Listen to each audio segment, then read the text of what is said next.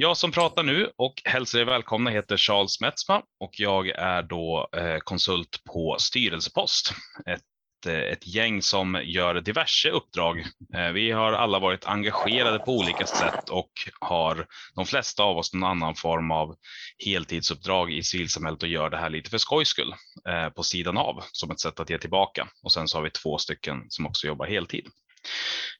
Och med mig har jag ytterligare en kollega Max, du får Stämmer. presentera dig själv. Ja, tack så mycket Charles. Eh, Max Ås heter jag. Eh, jag är också konsult på styrelsepost och jag gör framförallt olika typer av uppdrag. Jag kopplar till det vi ska prata om, alltså hur skapar man engagemang och hur bygger man en stark medlemsorganisation. Så det, det känns jättekul att vara här idag. Och med oss har vi också Jamshid. Hej! Ja, det är den där mute-knappen, den är ibland lurig att hitta baserat på ansiktsuttryck så säger den att du inte får. Precis. Eh, då Anna, kan du ask to unmute kanske om det är någon sån? Man skulle kunna tänka att vi inte har testat det här innan vi körde igång, men, men det gjorde vi. Vi gjorde ett gediget arbete att säkerställa så att, så att alla delar funkar. Men... Eh, Hör ni mig nu? Ja, ja, nu låter det bättre. Jag tror uh, min behörighet där försvann så man fick inte klicka någonting. Men tack för att jag får vara med. Och vem är du? Om du vill säga någonting kort. Ja, eh, för närvarande jobbar jag på Stockholms fotbollförbund eh, som fotbollsutvecklare och det kan man beskriva som projektledare av fotbollen i Stockholm. Jag ansvarar för jämlikhet, jämställdhet. Däribland jobbar jag mot eh, parafotbollen, integration, inkludering. Jag har tidigare varit projektledare på lite olika organisationer inom bland annat integration och då då jag var här sist. Jag jobbade för Kompis Sverige eller sist, det var då jag var med Charles sist i ett forum. Precis, vi pratade om engagemang men då för Volontärbyrån och deras podd Ideella samtal. Precis. Men precis så är det ju då att vi ska prata om eh, engagemang idag och det finns inte någon slags stor agenda. Det finns inte en plan. Vi har inte ett frågebatteri som vi ska beta av utan vi har gemensamt kommit överens om en punkt där vi startar och sen ser vi lite grann vart vi hamnar. Och vart vi hamnar beror också på dig som lyssnar. För om det är så att det finns någon tanke eller fundering eller reflektion eller fråga från din sida så är den varmt välkommen att komma in.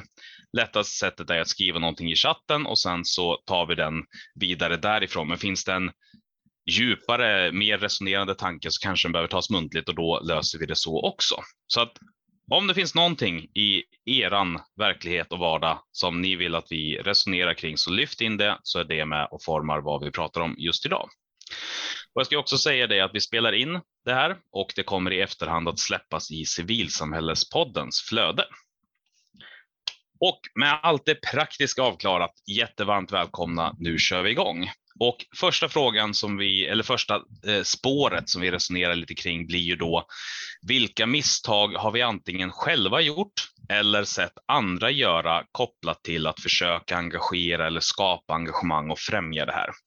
Jag vet inte, den av er som är snabbast, Jamshid eller Max, ni får hugga tag och börja. Ja, men kul, då är jag snabbast i sådana fall. Eh, nej men, jag har delvis varit med och bidragit till det här själv, men jag har också sett liksom, eh, det är en sån här klassisk fälla som man kan falla i. Eh, och speciellt när man pratar om engagemang och liksom kanske få in nya medlemmar och få nya medlemmar att engagera sig eh, så är det väldigt många föreningar, eh, inkluderade sådana föreningar som jag har varit engagerad i då, att man hela tiden tänker att okay, men vi måste sänka tröskeln, eh, alltså vi måste göra det lättare att engagera sig och vi måste eh, säkerställa liksom att det det ska bli så enkelt som, som möjligt. Och även fast jag liksom kan köpa den tanken i grunden och att det är viktigt att man inte har massor med konstiga hinder för att liksom engagera sig i föreningen. Man kanske måste fylla i ett jättelångt formulär med massvis med konstiga frågor. Det kan ju vara liksom engagemangshämmande. Eh, men det är ganska viktigt att förstå också att man kan ju heller inte sänka nivån allt för mycket utan det man oftast behöver göra då, så, så som jag ser det, det handlar om liksom att höja statusen på det engagemanget man ska ha. Eh, är det så att man ska liksom vara med och eh, driva en eh, fotbollsförening eller man kanske ska vara tränare på, på något sätt, då, då handlar det inte om att bara försöka göra det lättare att vara tränare, eh, utan också att försöka göra det mer attraktivt att vara tränare eh, så att det ska vara mer kul att faktiskt kunna, ja, till exempel hålla på med det. Då. Eh, och samma sak gäller med allt annat också. Eh, sen är det en sån här klassisk fälla som jag tycker att man oftast Eh, kan hamna i, att man hela tiden ska försöka göra det, man ska försöka sänka nivån snarare än att försöka göra det mer attraktivt att ta ta på sig det uppdraget eller engagera sig i, i föreningen. För drivkraften är ju någonstans i alla fall för den som har hoppat på att den vill göra någonting eh, med det då. Eh, och då ska man inte heller ta bort den drivkraften genom att försöka undvika och lägga förväntningar att det finns saker att göra. Om jag hoppar på och fyller på där om det är okej, okay, så tänker jag också en sak som man oftast glömmer bort i den ideella sektorn är att man utgår från sig själv.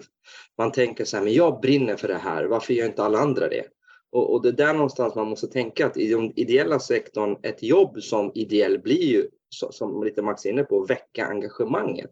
Och då kan man inte utgå ifrån att ja, jag brinner för Greenpeace, det borde ju alla göra. Förstår de inte det, att det är viktigt? Och det, det möter jag både i sådana föreningar men även inom liksom, idrottssektorn, att många tänker, men vad då? vill inte alla vara ledare för sina barn? Nej, det kan vara så att alla inte tycker det är jättekul att vara ledare för sina barn eller vara med i Greenpeace. Och då är en fråga jag tycker man borde ställa de som vill vara volontärer. Men vad brinner du för? Vad tycker du om att göra? Är det så att man inte brinner för att stå med en sparbussa och prata med människor eller att man är introvert och vill helst sitta bakom en dator men också bidra? Okej, okay, kan vi hitta något som du kan göra så du känner att du bidrar till organisationen? Ja, precis. Och också att det ofta kopplat till, till det där finns något slags logiskt felslut eller eh, kring att engagemang, eftersom att jag har väldigt mycket engagemang så finns det hos andra också. Det är ingenting som jag behöver berätta om vad det innebär eller informera och inkludera i, i liksom ord och handling, utan jag ser eh, relativt ofta föreningar som upplever enorma svårigheter, för det finns jättemånga på, på rörelsenivå som har extrema svårigheter med att hitta förtroendevalda exempelvis. Men jag ser ju också att det lever som en jätte, jättestor sanning, att så här, oj, vi måste bli fler och vi är alla överens om det. Men att det kanske inte är lika många som gör det stora arbete som det faktiskt innebär eh, att skapa det engagemanget. Just utifrån att man inte vet vad det innebär eller då att man eh, väntar på att någon ska komma till en.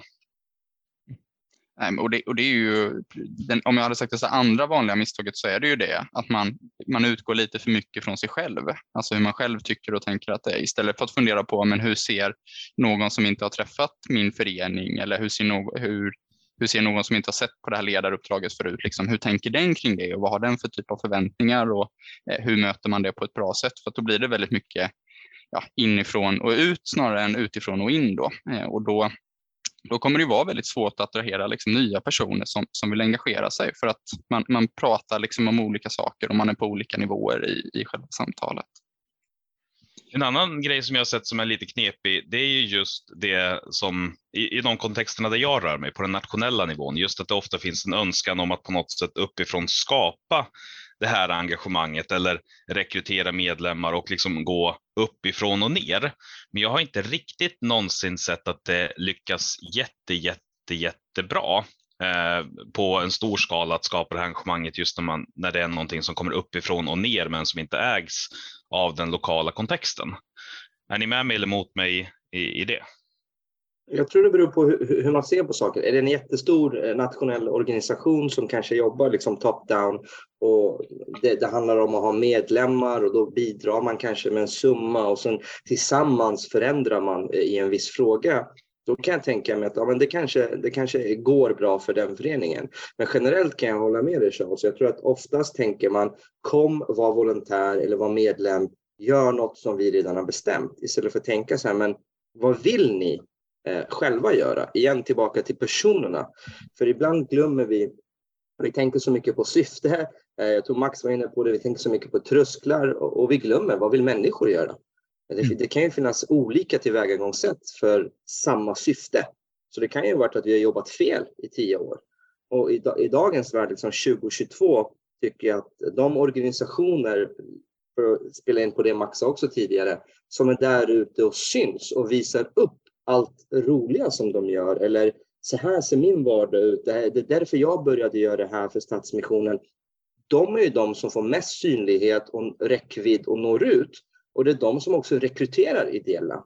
Medan de som kanske inte har kommit in i det här att vi måste klappa oss själva på axeln lite och berätta om det vi gör och vad du kan göra, vad du kan vara med och bidra till som individ. Eh, de lyckas inte lika mycket tror jag. Nej men verkligen. och man, man, man ska verkligen inte, som du var inne lite på där Jamshid, att det är, så, det är så himla viktigt att eh, hitta sätt liksom att start, starta igång det eh, på, på något sätt och få igång liksom, eh, den, den, den egna personens drivkraft i det. Eh, för att visst, man kan försöka komma och lägga sin egen drivkraft på det och vissa saker kan ju liksom smitta av sig, men någonstans måste ju också den personen eller de personerna som man vill engagera måste ju hitta sitt sätt att, att göra det på, på, på ett vettigt sätt. Eh, och det kan ju låta lite som liksom en flosker på, på något sätt, men det är ändå det det liksom bygger i eh, på, på något sätt. Ja, och där tänker jag också just mycket av det vi har varit inne på nu handlar ju om nästan mer eller mindre mellanmänskliga relationer och det är ju framför allt där tänker jag som engagemang finns, uppstår och frodas när människor möts och mellan människor. Men det finns också en, en strukturell aspekt som man behöver ta hänsyn till. Att det handlar inte bara om att lägga ut en annons och någon säger yes, det här jobbet gör jag utan liksom några som helst åsikter kring det, utan det behöver även finnas en struktur som tillåter och välkomnar de här olika åsikterna som du pratar om. Eh, att, att det också finns en, en beredskap på att ett engagemang, det är heller inte bara någon som som utför arbete utan monetär ersättning, mm. utan det är också någon som kommer in med en vilja och en struktur måste också då vara beredd på att ta hand om olika viljor eller åtminstone möta dem med respekt. Inte om jag ska generalisera som det har kunnat se ut i många större folkrörelser som jag har mött där, nej, det här låg inte i kansliets plan, alltså så kan vi inte göra det. Att det är liksom argumentationsbasen att det här har inte redan tänkts, alltså mm. så är det omöjligt att göra snarare än att titta på förslaget i sig. Mm. Och innan nästa får hoppa in så vill jag bara påminna om att om ni har någon tanke, fråga eller någonting annat så skriv den bara så lyfter vi in det. Ja, och en grej som man också liksom kan glömma bort är just det här, liksom, om vi pratar om medlemsrekryteringsarbetet och, och få med någon på tåget sen, så är det ju så här, det är ofta många organisationer som kan ha ganska bra planer på, okej, okay, men hur ska vi rekrytera nya medlemmar? Jo, vi ska vara här vid det här tillfället och vi ska fånga dem på det här sättet och vi ska prata om det på, på det här sättet. Men sen när man ställer frågan så här, ja, hur ska du få den här personen att efter att ha blivit medlem, att man ska kunna ta plats i föreningen, att man ska kunna vara med och bidra och kanske till och med bli en ledare i, i, något, liksom, i någon utsträckning, eh, så är planerna betydligt färre. Eller man ska säga. Så man har liksom ingen tanke om vad, vad blir det liksom för efterarbete. Och det är lite det du är inne på Charles också, att det kräver ju oftast ganska mycket eh, att liksom få, få, ett, få med någon i en förening eh, och sen faktiskt få den att eh, bli engagerad och ta del av själva föreningen. Eh, och det, det, får man inte glömma bort i, i det arbetet att eh, liksom att bara eh, stå ute på valfri mässa eh, och rekrytera en person, det är det lilla arbetet i att eh, skapa nytt engagemang och det stora liksom arbetet kommer ju efter man har lyckats övertyga en om att i alla fall hoppa med i, i föreningen. Och det tycker jag du är inne på Max. Det, det egentligen handlar det ju om någonstans det, det är försörjning av engagemanget. Hur lyckas du upprätthålla rent systematiskt att de som är engagerade fortsätter att vara engagerade?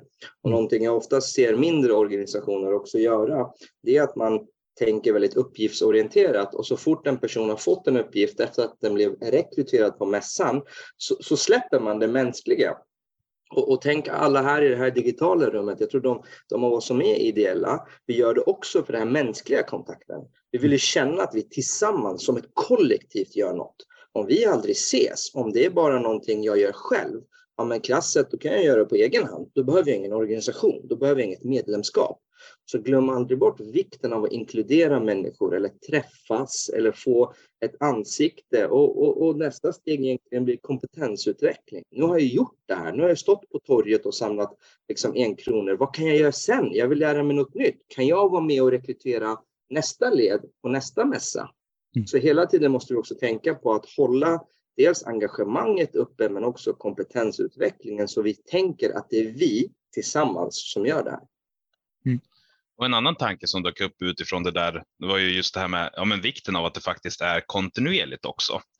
Eh, att det är inte så att vi kan ha stora satsningar och så gör vi en sak och sen så glömmer vi bort en stund. Fast problemet är att det går också att glömma bort en stund. För om vi har, vi tar en lokalförening som är stabil. Den består av två, tre, fyra personer som är väldigt aktiva och som gör väldigt mycket bra. Om de idag slutar arbetet med att försöka få in fler som är med och arbetar för det här gemensamma, då kommer det inte att märkas. Det märks inte om fem år. Det märks kanske om 10-20 år när de känner att nu jävlar är jag trött på det här. Och jag har varit ensam så länge i det här och det har funnits ett eh, liksom förbittrande också i att känna sig ensam i att bära och det går från lust till plikt. Och den dagen som de då säger att så här, nu orkar jag inte längre, då så kan föreningen dö. Så att vi har liksom, när vi får in någon ny som verkligen brinner så skapar det, det fyller på våra engagemangslador så otroligt mycket att vi tänker att det här kan aldrig någonsin ta slut eller förändra sig. Men sen så tittar man inte in i den där ladan och så är den plötsligt tom en dag. Och det eh, ser jag som någonting som har hänt eh, för många. Just det här att man glömmer bort det kontinuerliga och då får en plötslig chock när man inser att oj, här blev det svårt och jobbigt. Mm. Det är ju, det är en, en, klassiker eh, någonstans. Eh, och en, an, en, annan grej som man kan göra då, det är ju att om man helt plötsligt inte har gjort någonting på, på ganska länge kopplat till att fylla på den här ladan och så kanske man ger sig ut och gör det. Eh, och så får man med ett par personer. Eh, och istället då för att tänka liksom så här, okay, men hur, hur skapar vi liksom en långsiktighet i det här och hur får vi dem att utvecklas eh, steg för steg och, och skapa liksom rätt förutsättningar för dem så, så kanske man också slänger på dem Eh, alltså, man låter dem eh, göra, det här blir liksom en märklig beskrivelse, men man låter dem göra karriär lite för tidigt. Så. Alltså att man ganska snabbt kan eh, komma in och sen helt plötsligt så är man liksom ordförande för föreningen eh, bara ett par månader in. Eh, och det behöver egentligen inte vara fel, eh, men det blir liksom väldigt kort engagemangsspann då. Alltså istället för att tänka så här, okay, men hur bygger vi ut det här på liksom flera år och hur får vi flera personer som tar eh, ungefär lika mycket ansvar, så tänker man att man ska liksom lägga alla ägg i en korg någonstans. Ehm, och det blir också lite missvisande för att eh, vi vill ju oftast, alltså ofta så vill vi att folk ska vara engagerade ganska länge i våra föreningar ju.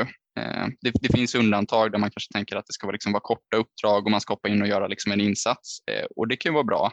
Men ofta så vill vi ju att ett medlemskap kanske ska vara i alla fall eh, ett par år eh, och i alla fall ett engagemang som är över ett par år. Eh, och då måste man ju också liksom dra ut det och också säga till sig själv att det kanske är så att man inte behöver liksom göra jättesnabb karriär utan det är okej att man är med lite i början och sen så tar man lite större plats och sen tar man ännu lite större plats och sen kanske efter ett, två år så hamnar man i, i styrelsen. För annars är risken att man man liksom kastar ut allting roligt som finns att göra direkt och sen är det slut på saker när man har hållit på i två, tre år. Liksom. Eh, sen så kan det ju finnas motsatsen, att man inte låter någon ta plats överhuvudtaget.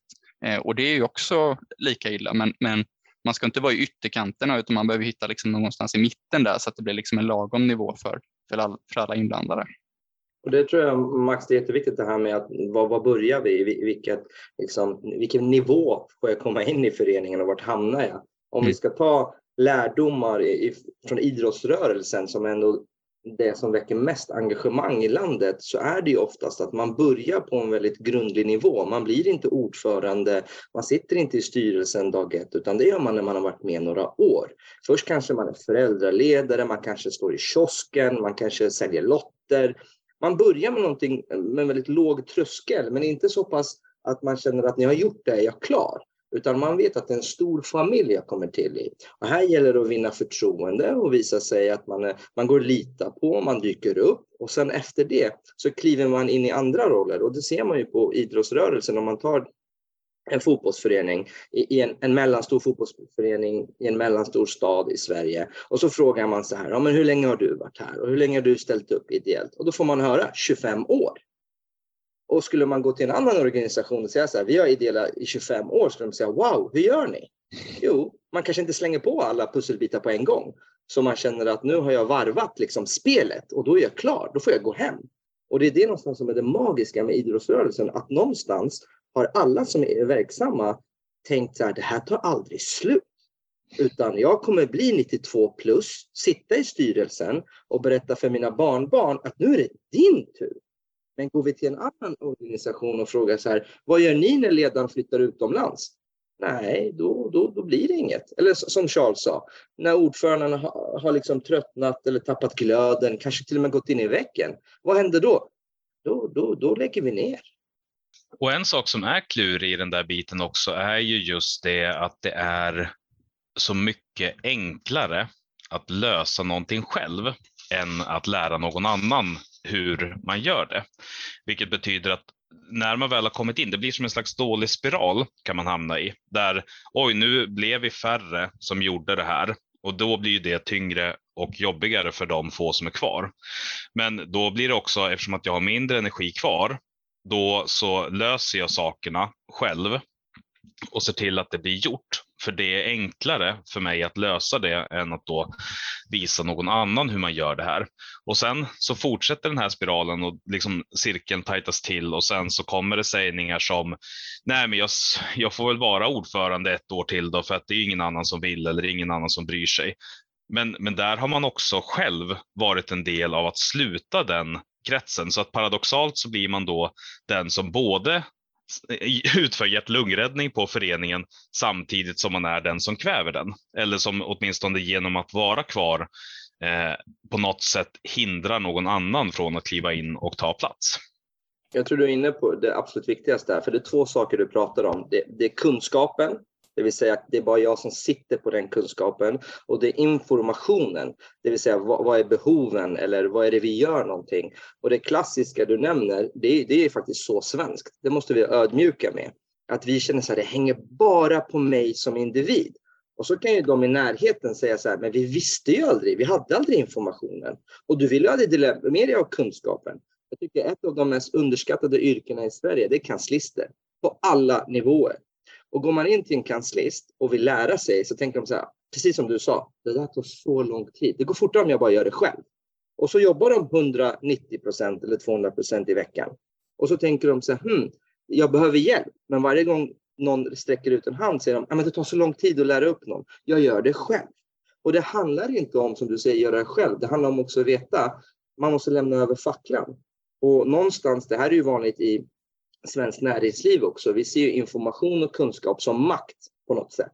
Tar du den ifrån mig, vem är jag? Då är jag inte ordförande längre. Jag, jag har en, en av föreningarna jag är med i, där jag brukar säga så här, du är föreningen. Det är en lagledare som sitter i styrelsen och hon brukar skratta och säga, vad menar du? Då, då räknar jag upp antal år hon har varit där, hur många ordförande hon har varit med om. Du är föreningen. För att du konstant delar med dig med uppgifter, information, kunskap. Du får det att leva Medan ordföranden byts ut på två år eller fyra år eller vad det nu är. Och där någonstans tror jag man måste tänka, om du verkligen bryr dig om din förening, se till så det finns någon som kan ta över när du tycker det är dags. Ja, för, för en risk är ju också att den här, den situation som vi pratar om nu, också att man kopplar in en, en komponent av ett martyrskap. Mm. Eh, eller liksom just den här, åh, oh, det är så jobbigt och jag gör så mycket och jag uppskattas inte tillräckligt. Oj, oj, oj, vad jag får simpa och slita. Oj, oj, oj. Och det kan ju vara sant, men det är ju också någonting som inte gör att någon som kommer utifrån och säger hej, hej och tittar in säger att oj, det där verkar som ett kul sammanhang. Här ska jag hoppa in och också ha det så där jävligt som du har det.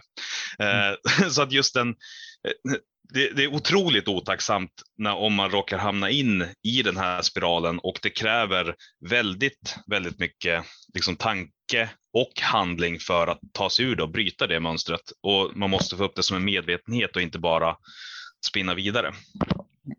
Eh, och ingen är ju liksom oersättbar. Alltså det är lätt att man tänker sig att man är det, speciellt när man är i den situationen själv, att man är den som driver på och tuggar, tuggar igenom det som behöver göras.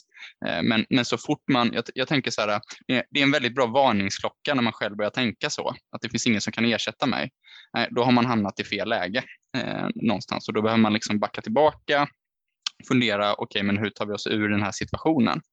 Eh, då. Eh, och jag, jag, brukar säga lite på skämt, men det är också lite på allvar att eh, i, de, i de föreningarna som jag har, har varit i eh, så har jag alltid liksom, i alla fall uttalat sagt så här, ja, men jag avgår inte förrän det finns någon som kan ersätta mig. Och det låter ju ibland som att man eh, försöker bygga upp sig själv som en jättehög person, men det handlar ju snarare egentligen som att eh, jo, men själva grundtanken med det är ju att mitt, mitt ledarskap ska ju inte gå ut på någonting annat än att jag ska försöka bygga andra framtida ledare som kan ta över då. Det handlar inte om att jag ska trycka ut någon utan snarare att så här, jag måste bara säkerställa att eh, när jag försvinner så finns det massor med andra kompetenta personer som kan ta över och göra samma saker som, som jag har gjort. Liksom. Eh. Jag tror du, Max, man kan bygga på det ännu mer. Eh, det, det är så här, jag slutar när det, jag har en ersättare på plats. Alltså man redan är beredd på att jag gör ju det här för att nästa person ska ta över. Och du, du, du är inne på det som, som hur man tänker oftast. Det är ju att ja, men jag går inte att ersätta. Det är helt fel. Jag brukar, jag brukar prata om tidigare att man ska oftast tänka jag ska gå att ersätta. Annars har man jobbat helt fel. Det finns inga tydliga processer, det finns ingen struktur, det finns inget syfte med det du har gjort, för du har bara släckt eld efter eld efter eld. Men om du hela tiden tänker, jag går att ersätta, jag kommer sluta när jag går att ersätta, då blir det ganska sunt. Då kanske någon till och med vill vara med. Då kanske Max hoppar på för mig eller jag hoppar på för dig. Så länge man inte går för långt i andra änden så att man heller inte ger sig själv cred och en klapp på axeln för det man faktiskt ja, det gör och utför. Absolut, absolut. gör man inte det, det är ingen annan som gör det annars, så då får nej, precis. Därför att om vi har liksom ena änden med martyrskapet och den andra änden med nej, nej, nej, jag betyder ingenting, så är ju återigen ingen av de eh, ändarna bra. Jag menar, jag menar dock, bara förtydliga innan vi går vidare, inte att man inte betyder något, men det är viktigt att förstå. Vi är inte föreningarna, alltså som människor. Vi driver föreningarna framåt. Men jag som individ är inte min förening. Det vill säga, vare sig jag är bra eller dålig betyder inte att föreningen är bra eller dålig. Vare sig jag utvecklas eller inte betyder inte att föreningen inte utvecklas. Så om man kopplar bort sig själv och tänker att jag kör vidare tills jag går att ersätta, då kommer föreningen gå fram. Och så på så sätt menar jag inte att man ska förminska sig själv, utan snarare tänka att det är en rörelse. Den är större än mig som individ. Ja, jag är helt, eh, helt med. Eh, samtidigt som också föreningen i sig verkligen betyder noll utan människorna i den som är där just nu. För utan, det är ett ganska tomt skal som en förening är om vi plockar bort människorna helt. Så att, eh, men jag håller med dig. Vi har fått en, en, en kommentar i chatten. Jag tänker att jag läser upp den. Jag tänker också att en utmaning för att främja långsiktigt engagemang är att ha flera spår vad gäller nivå på kunskap och samtal i föreningen. Om man är duktig på att förse nya medlemmar med kunskap och sammanhang så riskerar det att bli som det är och har varit. Engagerade i stor grad sällan får vara den som lär sig eller får vila i sammanhanget utan alltid leder dessa. Vilket ju är givande på ett sätt, men det andra behövs kanske också. Har ni några tankar kring det? Läs frågan igen så att man liksom ska svara på, på, på, på ett vettigt sätt. Jag ehm. tänker att det handlar om, eh, jag lyfter i alla fall ur just den här biten att om man hela tiden har väldigt strukturerad process och säger så här gör vi, så här gör vi, att man tappar utvecklingsbiten eller att det riskerar att liksom bli stagnant. Det är det jag tolkar in i det. Mm. Nej, men, och, och, så är det ju. Alltså om, om man inte, om man inte liksom tillåter sig att eh, vad ska man säga, jag tror, jag tror det var en jättebra formulering, vila i sammanhanget. Liksom. Eh, då, då kommer man ju liksom fastna till slut eh, på, på, något sätt. Och just det där att liksom ha olika samtal på olika nivåer i föreningen är ju också väldigt, jag, jag tänker så här, all, alla föreningar kräver i alla fall i dagsläget att man behöver utvecklas på, på något sätt. Eh, och då måste man se att utvecklingen sker på olika nivåer i, internt i organisationen. Ibland så tänker man hela tiden att eh, hur, hur, vi utvecklar organisationen, det sker endast liksom på någon form av liksom förbundsnivå eller någon klassisk liksom nationell nivå. Eh, och det är liksom där det stannar av. Eh, men, men någonstans så, så måste det ske liksom på flera olika nivåer och att man också måste eh, alltså tillåta att utvecklingen sker i olika nivåer på, på organisationen. Eh, och speciellt när det kommer till liksom engagemangsskapande aktiviteter. Eh, precis som vi började samtalet ganska mycket om att det, det kan vara svårt att liksom tänka uppifrån att, att nu ska vi skapa engagemang här nere. Eh, så måste man nog verkligen släppa eh, just de engagemangsskapande bitarna ganska långt ner i organisationen och framförallt lägga ut ansvaret på, på det om man vill få in många nya, eh, då, tro, tror jag. Och jag tänker också att det, det är ju en inneboende svårighet i, i liksom våran själ och identitet på något sätt. För att om, om vi tänker oss att en förening på något sätt startar i 100% lust av ett gäng människor som kommer samman och nu ska vi bara göra, göra, göra. Och sen inser man kanske efter en stund att oj, vi behöver ha någon form av struktur för det här blev lite rörigt. Och den här strukturen bygger vi framför allt för att det här arbetet ska bli långsiktigt och för att det ska möta upp andra saker som gör att vi kan få en finansiering som sträcker sig över tid och liknande. Och till slut så kommer man då bort i eh, ändan där det är väldigt strukturerat. Det är väldigt ordnat och det är då också i viss mån stagnerat.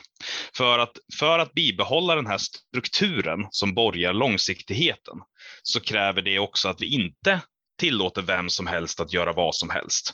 Har man kommit så pass långt som en organisation så kanske man har eh, ett gäng anställda som bryr sig om varumärket och som kanske då säger nej, ni får inte göra egna diplom och dela ut, även fast det då vore engagemangsfrämjande.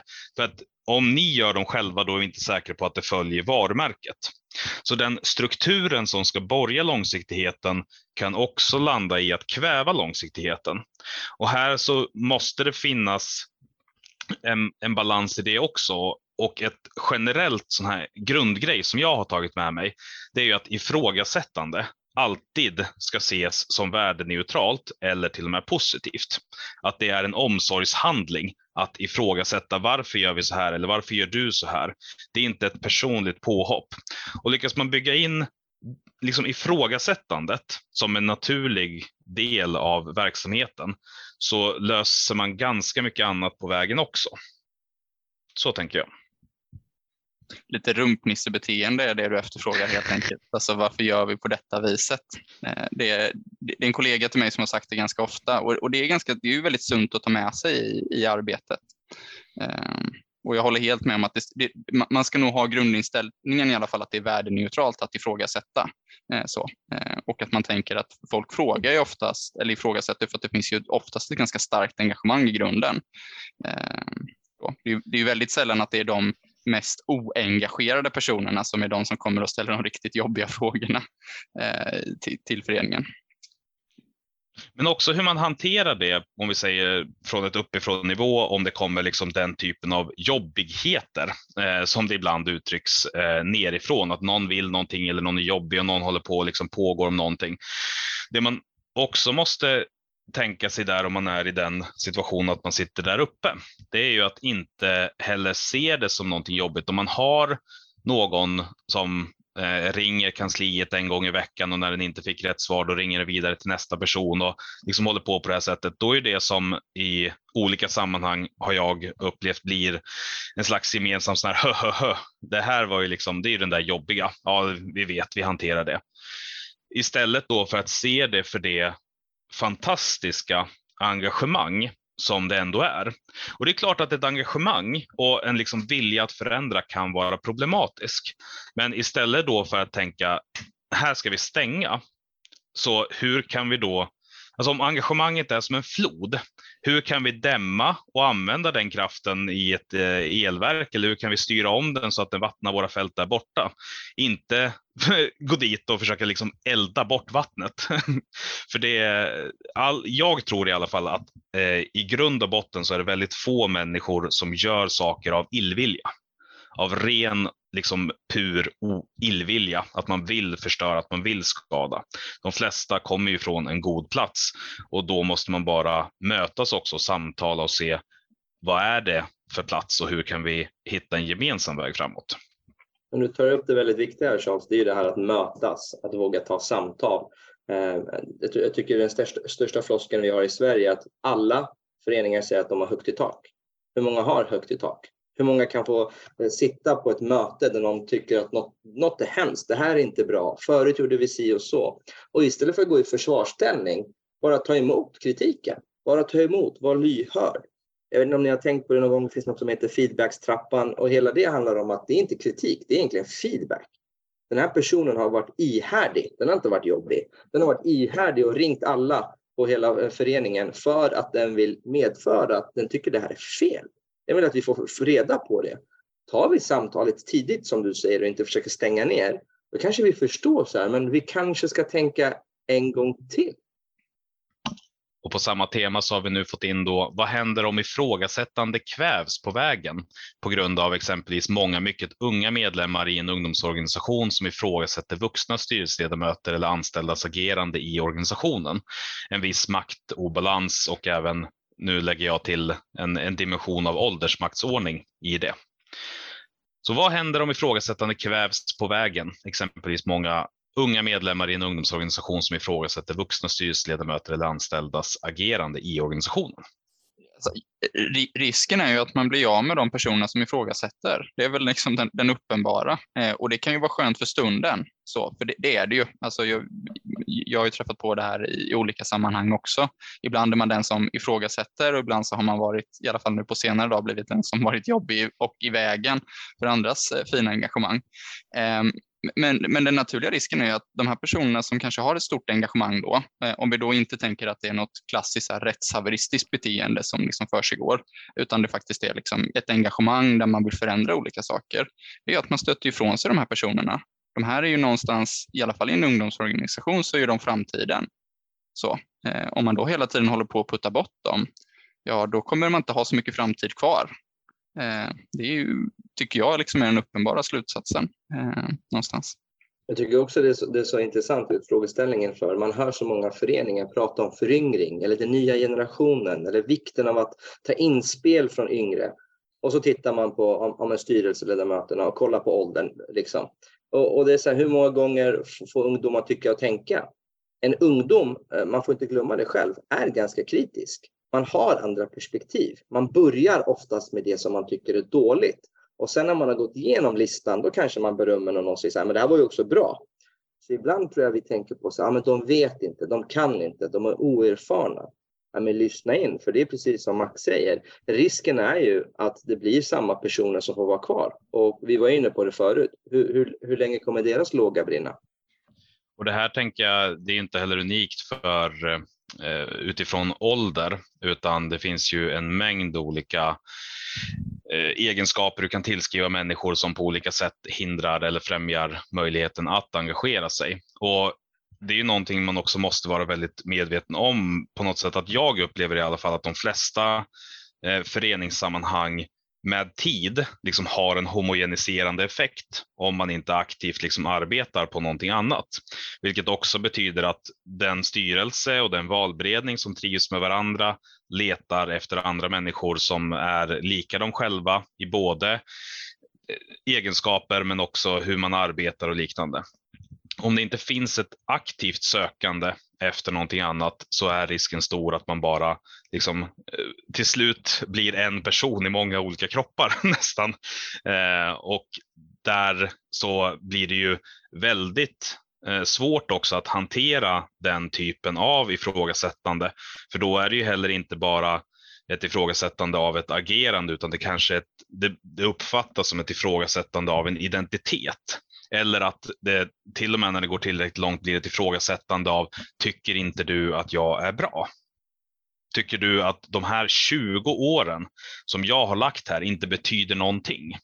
liksom, återigen med det här med martyrskapet och att inte hantera ifrågasättande värdeneutralt. Och det är ju svårt att ha den balansen också, tänker jag. För att som engagerad under lång tid, då har du också byggt upp jättemycket erfarenhet. Men det ställer stora krav att använda den erfarenheten på ett bjussigt och inkluderande sätt och inte låta ens egen kanske trötthet över sammanhanget gå ut över någon annans entusiasm. Jag tror vi har fått en till fråga Charles. Läs den du. Jag kan ta den. Eh, har ni några tankar om hur man ska balansera personer som gärna vill bidra med något väldigt specifikt i föreningen, fast den kanske inte är något som behövs eller passar in, eh, in hur en kan engagera sig? Man vill ju inte tappa personens intresse, men kanske måste få, till, eh, få, få det att funka inom vad föreningen behöver. Alltså det finns någon som vill bidra med någonting till någonting som eh, just nu i alla fall inte behövs. Jag tycker det är en jättebra fråga, för det är jättevanligt. Det är någon som hör av sig och, och så vill den göra, den har bestämt sig, liksom, det är det här jag vill göra, det är det här jag är bra på, det är här min spetskompetens ligger. Eh, jag brukar oftast tänka så här, men varför kan den inte få göra det? Är det så att den går emot det föreningen tycker och tänker och driver i arbetet, då kanske man får se över så här, men varför, varför söker den sig till oss och förklara hur föreningen är uppbyggd och vad man jobbar med. Men är det egentligen så hemskt att en persons ingång är att den får göra någonting på en liten öde ö, kanske en mindre uppgift eller någonting som går att ta på som får den att känna att den är delaktig. Och i nästa skede kopplar man på den till det andra man gör, alltså alla andra aktiviteter som man faktiskt är tvungen att göra för att hålla det vid liv. Så egentligen tycker jag att man, man det, du skriver det själv här Jakobs, tappa personens intresse. Man måste få människor att komma med med sin glöd och engagemang. Tillbaka till det vi sa tidigt. Utgå inte ifrån att alla har samma engagemang, glöd eller ens förståelse som du själv har. Ja, precis. Att, ha, att anamma lite grann improvisationsteaterns sätt. Man får aldrig säga nej, utan man säger ja och sen bygger man vidare på det på något sätt. Och ibland så funkar det ju bara inte. Alltså det går inte. Ja, precis. Om, om, det går, om det går stick i stäv. Man får också ställa sig frågan innan man säger ja, vi kör. Vad är det värsta som kan hända? Mm. Och så försöker man besvara den frågan själv. Precis, men det går också att tänka sig att om vi säger att det är en situation där ja, men det leder föreningen i en riktning där vi inte alla andra är intresserade och då kan inte den här enskilda liksom, grejen dra ditåt kanske. Jag eh, är med dig i grund, men det man kan göra då det är också titta lite grann, liksom försöka borra djupare. Men vad är kärnan i det här som den här personen vill? Om den säger att jag vill eh, för mig är det jätteviktigt att eh, alla i föreningen har gröna hattar på sig. Det är det som jag ska verka för, att alla har gröna hattar. Och sen så kommer man fram till att med våra klubbfärger, det är ju röd, så det funkar ju liksom verkligen inte. Och då kan man ju ha ett samtal där man utforskar, okej, okay, men var det just de gröna hattarna? Var det grön som var det absolut viktigaste, eller var det hattar? Eller var det kanske till och med huvudbonad? Okej, okay, men huvudbonad, det kan vi liksom känna oss, eh, det kan vi få funka här. Eh, och att ha det samtalet också, att inte se det som legobitar som bara går att bygga på ett visst sätt, utan att de också går att omforma med samtal. Absolut. Sen tror jag man kan bygga på det ännu mer egentligen. Vi har ju så många föreningar som behöver människor. Så det kan ju vara så att man har den diskussionen och så är det röda hattar eller gröna nu var det, nu var det gröna hattar. Det är bara grönt som gäller okej, okay, vilka föreningar har jag i mitt närområde som skulle vilja ha någon som kämpar för gröna hattar? Eh, liksom släpp prestigen lite och tänk större. Eh, men, men generellt tycker jag att personers intresse ska man värna om. För det sista vi vill är att färre och färre bryr sig. Mm. Ja precis, finns det Gröna Hattars riksförbund eh, nästgårds då skickar man dem dit och är bjussig på det. precis. Ja men verkligen. Jag tänker, jag tänker också det man måste ha med sig när man tänker på det här, det är ju att eh, på något sätt så, så finns det ju en konkurrenssituation. Eh, så, och det, finns ju massvis med föreningar och vi konkurrerar ju alla om alla människors engagemang.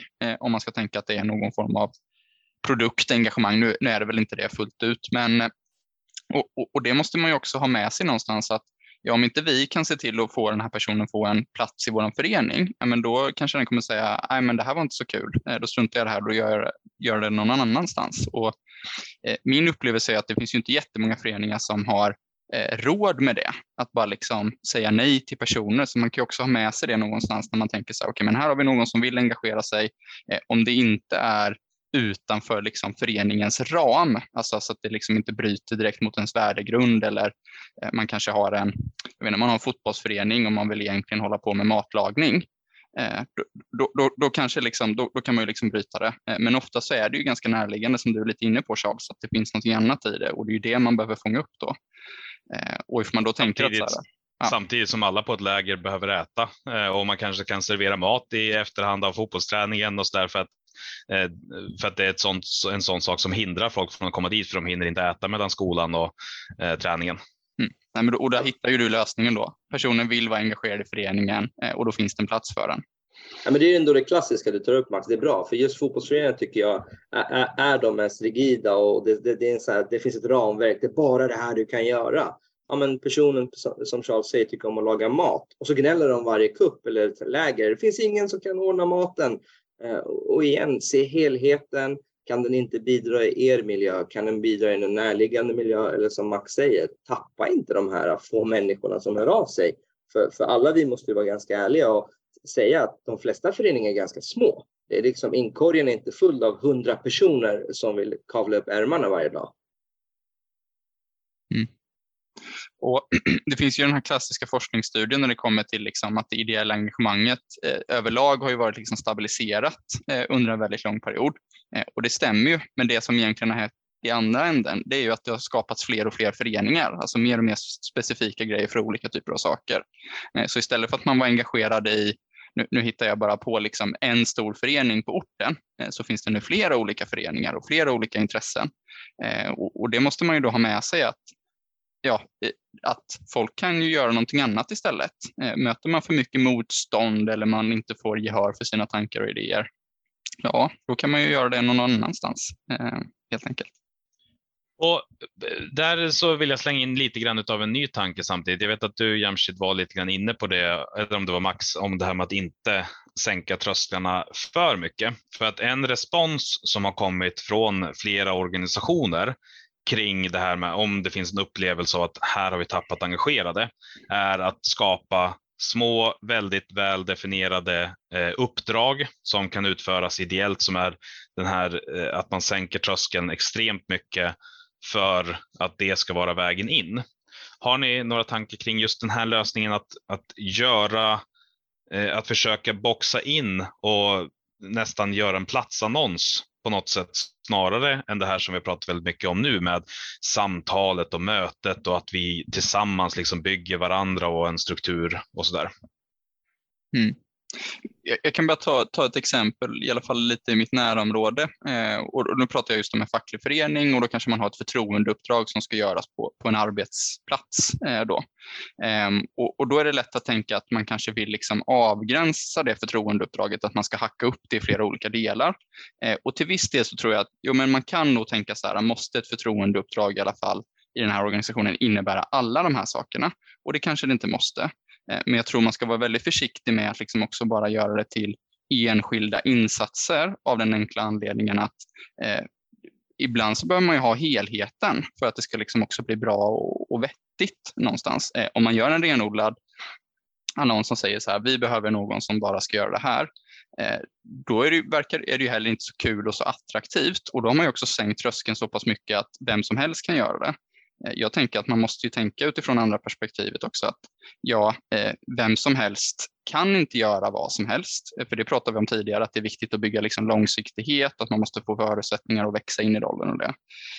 Men då måste man göra det mer attraktivt att ta liksom helhetsuppdraget och att vissa delar kanske är väldigt roliga, men man måste ju också vara öppen och ärlig med att det finns saker som är lite halvtråkiga. Eh, så jag, jag, tror, jag tror man ska vara försiktig med det. Eh, sen är det så helt, helt okej okay att skapa punktinsatser, eh, är det jag uppfattar att du beskriver det som Charles. Men man ska, jag tror inte man ska se det som lösningen på hur man bygger långsiktigt engagemang i sin förening. Så det är lösningen på hur man löser det problemet man har just nu. Typ, vi behöver någon som kan sätta upp affischer. Ja, okej, okay. det, det behöver vi lite kort, men kommer det göra att vår förening långsiktigt växer och får fler engagerade? Ja, kanske, kanske inte, eh, skulle jag vilja gissa. Jag, tror, jag tycker det är, bo, jag, jag är liksom både för och emot. Jag tycker sänkta trösklar, då ska man oftast tänka så här, men varför gör man det? Vad är syftet för att sänka tröskeln? Är det bara för att det, det är liksom akut och det är en punktinsats, då kan jag köpa det Max säger, att man kanske inte alltid behöver tänka så. Men är det snarare att man vill ha en räckvidd, man vill nå ut och man vill att alla ska känna att de har en plats. Man kanske är en ganska stor organisation, men har inga anställda, man behöver fler ideella. Och så här, personer som går runt och sätter upp affischer, om vi bara tar det exemplet och spinner vidare. Den kanske är ute och går med sin hund, så den gör det varje dag. På den här promenaden morsar den på massa människor när den sätter upp affischen. Helt plötsligt har du gratis reklam, gratis marknadsföring, någon som är i kontakt med människor. Så, så det lilla eh, punktinsatsen, det behöver inte alltid vara så här, ja men det går inte att, att eh, liksom få resultat av, utan man måste kunna igen gå tillbaka till syftet. Vad vill vi? Vill vi nå ut till människor? Vill vi synas? Vill vi höras? Vill vi rekrytera? Eh, jag tycker att eh, Volontärbyrån har ju sin hemsida där man faktiskt kan lägga upp de här kontaktannonserna som Charles pratar om. Jag kan tycka att de är riktigt bra för vissa föreningar som har väldigt nischade aktiviteter. Ja, men ta ett språkcafé på det lokala biblioteket. Ja, då kanske det är någon människa som är väldigt ensam och bara vill prata med någon annan. Alltså det räcker. Sen att den kanske inte har kommit i kontakt med organisationer och inte brinner än. Men vet du, när den kommer dit, det är då man blir frälst. För det är det det handlar om ibland. Hur får man in människor? Kontinuerligt pratar alla föreningar om att vi har svårt att få medlemmar. Det är kanske ibland också för att vi målar upp alla uppdrag som det viktigaste i Sverige. Jag håller med om Max om att de flesta uppdrag är väldigt viktiga. Men om jag inte har ett uppdrag och ser vad alla pratar om hur viktiga de är som organisationer, då kanske jag börjar tänka så här, nej det här, det här, det här, alltså jag orkar inte. Det är för mycket att ta in. Men om det dyker upp vid det lokala biblioteket en timme i veckan för fika, gud vad kul. När dyker jag upp? Gratis fika, tänker jag i första hand. Och sen träffar jag massa människor och tänker det här var ju spännande och roligt. Jag vill göra mer, ge mig mer, nu är jag frälst. På tal om fika så tycker jag att det är färre och färre årsmöten jag är på som ger smörgåstårta. Jag saknar smörgås. Förut så var det en stor del av mitt engagemang att vara i så många olika föreningar att jag hade en kontinuerlig ström av smörgåstårta. Men nu känns det som att det har gått bort. Ja, men vi har eh, ungefär nio minuter kvar på den tid som vi har utsatt, vilket betyder att om det är någon som nu känner att men jag har eh, en, en liten bit som jag vill att ni ska prata om också, så går det antingen bra att skriva det i chatten eller för den skull hoppa in och ta det muntligt. Men jag tänkte kolla Max och Jamshid, finns det någonting som ni känner att men det här har vi inte kommit in på ännu som eh, det borde vi ändå lyfta lite grann utifrån det vi har pratat om? Men någonting som jag oftast funderar över, och det är stort inom idrottsrörelsen men även i alla organisationer, är att väldigt få har en ledarförsörjningsplan. Man har alltså inte på ett strukturerat sätt suttit sig ner och tänkt vilken typ av ledare vill vi ha eh, i nästa led? Hur ska vi tänka? Var kan vi finna dessa? Hur kan vi rekrytera dem? Hur kan vi förankra dem i organisationen? Ett liksom, det kan vara på ett A4, alltså en ledarförsörjningsplan eller en plan för ideella någonting där det står och det behöver inte vara liksom på en dator eller som kommer upp på ett årsmöte utan som individ. Vad tänker du långsiktigt? Eh, för det kan hjälpa med allt det andra vi har pratat om. En profil kanske man skapar till och med av de man vill ha hos sig. Mm. Jag tänkte nog säga det också, alltså, så här, alltså en plan för uppföljning när man väl har fått med någon i föreningen. Alltså, vad är, vad är liksom maratonloppet som man ska springa eller hur går det? Eller, eh, jag, jag kan tycka att det är lite fånigt med så engagemangstrappor, men, men det finns ju också någonting väldigt klokt i det. Alltså så här, tänka sig att det är olika moment. Sen så kanske det inte måste liksom gå uppåt. Det är det jag har lite problemet med trappor, utan det kan ju också bara gå i, i sidled eh, någonstans. Eh, att man faktiskt har, precis som du säger, en plan för ja, hur ska det här engagemanget tas vidare. Sen så kommer det inte alltså en ideell förening, man kan sätta upp hur många fina planer som helst. Det betyder inte att de kommer följas, men man måste ändå ha en tanke om hur ska vi eh, ja, fylla på med nya ledare i, i, i organisationen eh, och skapa förutsättningar för det. Ja, och jag är ju väldigt stor anhängare av just styrdokument och tror på dess kraft att förändra världen. Det finns ingenting som går att åstadkomma utan styrdokument. Men styrdokument, för att de är det som liksom på något sätt borgar långsiktigheten, att vi får någonting gemensamt. Men samtidigt så betyder ju de noll och ingenting om det inte blir grunden för liksom att skapa en kultur eller skapa beteenden. För det som jag också har upplevt ganska ofta med just engagemangstrappor eller den typen av planer, det är att det blir så här, grymt, nu har vi tagit det här beslutet, nu finns planen på plats, nu kommer det att lösa sig. Men det är där också som, som det är lätt att glömma bort just vilket stort arbete det faktiskt innebär. Jag brukar i alla fall för mig själv ibland ha den här bilden av Eh, hur, hur, hur det för mig ser ut i början av 1900-talet med de här olika människorna som cyklar runt från stad till stad, ställer sig på en pall och agiterar på torget. Bara skriker ut åsikter tills dess att tillräckligt många har kommit som tycker att men det här är någonting jag vill prata vidare om. Alltså, vad är vår tids motsvarighet till den cyklande agitatorn? Och varför har den försvunnit? Eh, och på vilket sätt har det det här med att engagemangsskapande istället blivit någonting passivt som, som förväntas lösa sig av sig själv, men som är frånkopplat från mitt ansvar. Och alla de som säger att nej, men det finns ingen som vill vara förtroendevald längre. Och att man också då tar det ansvaret som det innebär att engagera någon och lägger det utanför sig på någon slags samhällsförändring. Det här finns ingenting som jag kan påverka. Så jättemycket för den planen om den sen används och leder till någon form av handling. Ja, en plan är ju aldrig starkare än människorna som följer den. Eh, så någonstans. Nej, men det, det, det är helt rätt, eh, är det Charles. Att, eh, och, och det, det, är väl därför jag just med engagemangstrappa och sånt kan vara liksom lite försiktig. Att egentligen så är det viktiga kulturen, hur man hanterar och fångar upp nya människor på, på ett bra sätt. Eh, det är så, jag, jag tycker man ska printa ner jättemycket sådana saker, mest för att skapa liksom en grundstruktur och att det, så att man får ett sätt att kunna påverka det också. Eh, men oftast är det ju människorna som man behöver övertyga och påverka att, att göra det här. Eh, så jag tror vi alla har jag vet i alla fall att jag har skrivit väldigt många planer som eh, sen bara har lagts på hyllan någonstans. Eh, och ska fundera på varför jag lagt arbete på det här. Jag kanske borde lagt mer tid på att faktiskt åka ut och möta människor och prata om hur ska vi göra det här på ett bra och vettigt sätt. Eh. Men det, det är det som är så viktigt och det är därför jag, jag, jag, jag egentligen säger att man ska kanske bara ta det på ett A4. Liksom, lägg inte för mycket tid på det om det hamnar i en pärm någonstans. Utan det är det uppsökande som är det viktiga. Och Charles är inne på, på smörgåstårta och det är någonting vi glöm, glömmer oftast. Det är ju fikat. Alltså ordet, ta, fundera på det liksom tio sekunder. Ordet fika finns inte på något annat språk i hela världen. Det är unikt, så låt det inte dö ut. Och det, det, det liksom lever vidare inom den ideella sektorn. För på jobbet har vi aldrig tid att fika med varandra. Vi har aldrig tid att träffa en kompis över fika. Vi tar det digitalt på Facetime. Låt inte dö ut. Använd de enkla aktiviteterna. Ni har en plan. Nu fikar vi över det. Och så pratar vi. Hur, hur förankrar vi det här Charles? Ska vi stå på torget och skrika? Eller ska vi faktiskt knacka dörr? Eller skickar vi ett nyhetsbrev? Alltså hur gör vi? Lägger vi upp en annons? Liksom få det att bli levande. Och det bästa verktyget, ja det kanske är smörgåstårtan. För Charles måste också dyka upp till det här mötet. Annars kommer ju Max lägga upp pappret liksom på hyllan och så försvinner det. Så hela tiden, mänskliga mötet. Jag tror man får inte glömma allt vi har sagt idag kokas ner till att om vi inte möter varandra på lika villkor och har en dialog så spelar det ingen roll vilket syfte och vad vi tänk, tycker och tänker. Vi måste ha det här mötet först.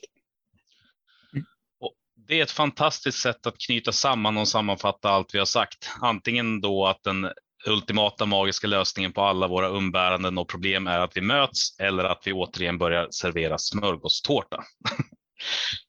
Men tiden börjar rinna ifrån oss och därför har det blivit dags för mig att tacka så mycket eh, och också lite grann eh, flagga för att det här Nyfiken på är någonting vi kör kontinuerligt och Anna har lagt eh, i chatten hur man kan hitta till att komma på framtida Nyfiken påträffar. Men stort tack till dig Max och stort tack till dig Jamshid för att ni var med och delade med er. Och jättestort tack till alla er som också var här och lyssnade, men framför allt och bidrog och formade det här samtalet. Och det här är någonting som kommer fortsätta på olika sätt att behöva leva hela tiden för att det är också någonting som förändras med tiden. Vad ett engagemang är, hur det formas och hur det skapas. Men precis som Jamshid sa, så länge vi möts och fortsätter att utforska det tillsammans i samtal så kommer vi också hitta de svaren som är precis rätt för oss här just nu. Stort tack för att ni kom!